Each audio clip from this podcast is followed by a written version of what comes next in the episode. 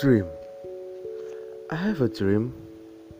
I have a dream that the others doesn't know the reality in my dream. Is that real? No one knows who I am. I'm a dreamer.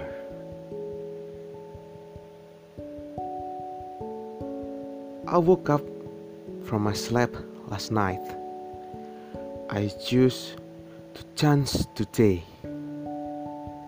Practice it or trash it. It's so simple to do.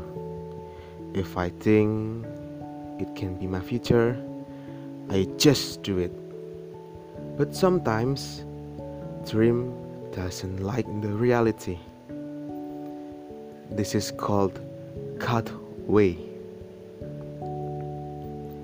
And I believe my positive feeling can make me stronger than before.